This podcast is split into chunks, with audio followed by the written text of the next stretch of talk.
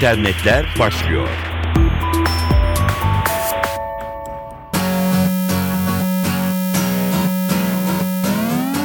Herkese merhaba. Dijital dünyadan gelişmelerle karşınızdayız. Ben Dilara Eldaş. Ankara Başsavcı Vekilliği'nin 20 Mart 2012'de gerçekleştirilen ve 7 kişinin tutuklandığı RETEK soruşturması tamamlandı. Soruşturma sonucunda hazırlanan iddianame, terörle mücadele yasası kapsamında kurulan Ankara 13. Ağır Ceza Mahkemesi'nce kabul edildi. Türkiye'deki birçok devlet kurumuna ait internet sitesine düzenledikleri siber eylemlerle adını sıkça duyuran RETEK örgütü hakkında silahlı terör örgütü üyesi oldukları ve çeşitli bilişim suçları işledikleri iddiasıyla 24 yıla kadar hapis sistemiyle dava açıldı. RETEK'in Emniyet Genel Müdürlüğü'nün internet sitesine hacklemesi hakkında örgüte üye 10 kişi hakkında suçlama bulunuyor. Savcı Mustafa Başar tarafından yaklaşık 7 aydır tutuklu bulunan üniversite öğrencileri Duygu Kerimoğlu, Alaaddin Karagenç ve Uğur Cihan Okutulmuş'un da bulunduğu 10 kişi hakkında hazırlanan iddianamede şüpheliler silahlı terör örgütüne üye olmak, açıklanması yasak, gizli belgeleri temin etmek, Kişisel verileri hukuka aykırı olarak ele geçirmek ve yaymak, bilişim sistemine hukuka aykırı olarak girmek ve orada kalmak eylemleriyle suçlandı. Küresel siber korsan örgütü Anonymous'la da bağlantısı olduğu bilinen Red Hack, geçmişte ÖSYM, Yargıtay, Ulaştırma Bakanlığı da dahil birçok devlet kurumu ve bakanlığın internet sitesine hedef alan eylemler gerçekleştirmişti bir işbirlik söz konusu diye duyurulmuştu ve sonunda ne olduğu açıklandı. Türkiye'nin en büyük spor kulüplerinden Galatasaray ve Türkiye pazarına Google'a rakip olarak bir yıl önce giren arama motoru Yandex işbirliğine gitti. Sarı Kırmızılı Kulüp anlaşma çerçevesinde arama motoru ve internet servis hizmetlerini GS Yandex markasıyla taraftarlarının hizmetine sunacak. Ali Samiyen Spor Kompleksi Türk Telekom Arena Stadı basın toplantı odasında düzenlenen anlaşmanın imza törenine Galatasaray Kulübü Başkanı Ünal Aysal, Yandex Yönetim Kurulu Başkanı Arkadi Volozov dahil birçok yönetici katıldı. Yandex Türkiye Yönetim Kurulu Başkanı ve Galatasaray Spor Kulübü üyesi Mehmet Ali Yalçındağ da Galatasaray Kulübü ile yaptıkları anlaşmanın dünyada bir ilk olduğunu dile getirdi toplantıda. Dünyada bir arama motoruyla bir spor kulübünün böyle bir anlaşma yaptığı daha önce görülmedi. Bu da hepimize ayrı bir heyecan verdi diye konuştu. Sarı Kırmızılı taraftarın merak ettikleri tüm soruların cevaplarını gsyandex.com'dan bulabileceğini ifade etti Yalçın'da. Galatasaray ile ilgili en güncel haberlere, trafik ve hava durumu ile ilgili anlık bilgilere tek bir sayfadan ulaşabilecekler. Aynı zamanda galatasaray.org sitesinde Yandex arama hizmeti taraftarlara sunuluyor olacak. Çok yakında Galatasaray taraftarlarına galatasaray.net uzantılı elektronik posta hizmeti de vermeye başlayacağız dedi. Açıklamaya göre taraftarlar GS Yandex sitesinden arama yaptıklarında buradaki bütün gelir paylaşılıyor olacak.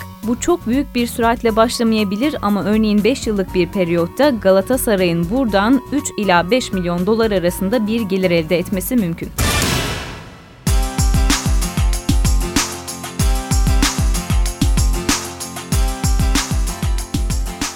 MIT Massachusetts Institute of Technology'nin yaptığı araştırmaya göre şirketler için sosyal medya, sosyal ağ ve sosyal yazılımların önemi giderek artıyor. Ama iş dünyası için sosyalleşmenin 2015'e kadar daha uzun bir yolu var.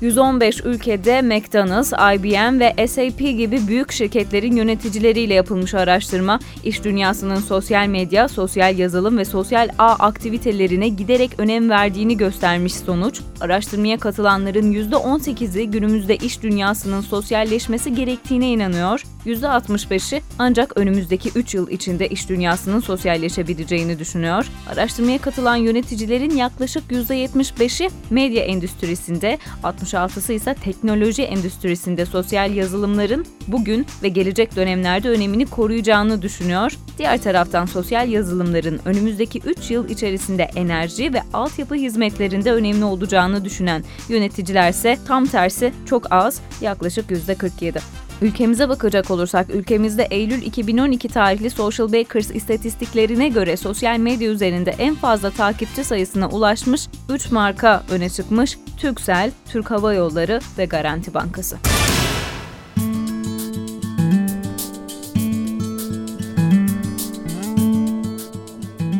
Gerçek yaşam ve gerçek para oyun endüstrisinin en büyük şirketlerinden Bwin.com yöneticisi Norbert Teufelberger eskisinden fiziksel icra ettiğimiz oyunların artık dijitale döndüğünün altını çizdi konferansta. Yaptığı konuşmada spor müsabakaları, gerçek parayla oynanan oyunlar ve aklımıza gelen rekabetin olduğu tüm eğlence araçlarının dijital ortamda hep var olduğunu belirtti Tufel Berger. Fakat artık önemli olan bu tür oyunların çevrim içi ve sosyal medya ile entegrasyonu dedi. Oyun endüstrisinin aslında sosyal medya ve dijital reklamcılık için kendini tam anlamıyla geliştirebildiğini söyleyemeyiz diye de ekledi. Sektörde 2000 yılında 7,5 milyar dolar, 2010 yılında 14 milyar dolar çevrim içi harcama olduğunu söyleyen Töfelberger, bu artışın süreceğini de belirtti. Her girişimin dikkat çektiği potansiyeli Bivin.com yöneticisi de belirtti. Oyun endüstrisinde en çok artış yapan ülke açık farkla Türkiye.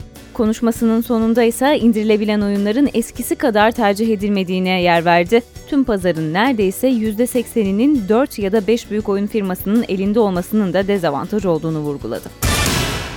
Apple'ın yeni nesil iPhone'u piyasaya çıktığı günden bu yana milyonlar sattı ancak yeni işletim sistemi iOS 6 ile iPhone 5'e alışmak kullanıcıları için çok da kolay olmuyor. Kısa bir süre önce Apple CEO'su Tim Cook, iOS 6 ile gelen ve iPhone 5'te de yer alan Apple haritalar uygulamasındaki hatalar yüzünden özür dilemişti. Fakat Apple yeni bir sorunla daha karşı karşıya zira iPhone 5'in kamerasında bir sorun olduğu şikayetleri azımsanamayacak derecede. iPhone 5 kullanıcılarının kafasını karıştıran durum, telefonun kamerasıyla çekilen fotoğraflarda mor bir parlaklık oluşması ve fotoğrafın kalitesini doğrudan etkilemesi. Apple sayfasında yaptığı iPhone Camera Image Effects başlıklı açıklamasında bu durumun teknik detayına değindi. Şirket eski modeline göre lensi daha küçük olan iPhone 5 kamerasının çekilen manzaranın dışında kalan ışık kaynakları nedeniyle fotoğrafta parlaklık oluşturabileceğini ifade etti. Açıklamada yaşanan durumun fotoğraf çekildiği esnada ışık kaynağının kameraya olan konumundan kaynaklandığı belirtildi. Çözüm olaraksa kameranın açısının değiştirilmesi veya fotoğrafı çeken kişinin bir iki adım hareket ederek konumunu değiştirmesi önerildi. Yani Apple bir hatamız yok dedi. Birçok teknoloji sitesi yaşanan durumun teknik detayı hakkında daha ayrıntılı bilgiler de sunmaya devam ediyor. Bu sitelerden biri Apple Insider, Apple Insider'ın teknik açıklamasına bakalım. Bir lensin sahip olduğu kırılma endeksi optik sistemden geçen ışığın dalga boylarını rakamsal olarak belirtir. Bir lensin mükemmel görüntü alabilmesi için görüntü düzeyindeki tek bir noktada bulunan tüm dalga boylarına odaklanır. Ancak lensin dalga boylarını bir yakınsaklık noktasında toplamaz deniliyor. Bu durum frekansa bağımlı aberasyon yani renk sapmasına neden oluyor diyor Insider. Çok teknik bir bilgi. Öyle ya da böyle kullanıcılar lensin iPhone 4 kadar iyi olmadığını söylüyor.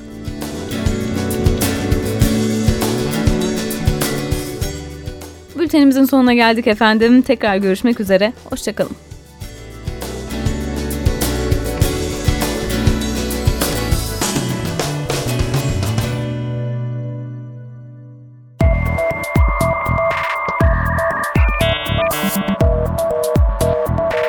İnternetler sona erdi.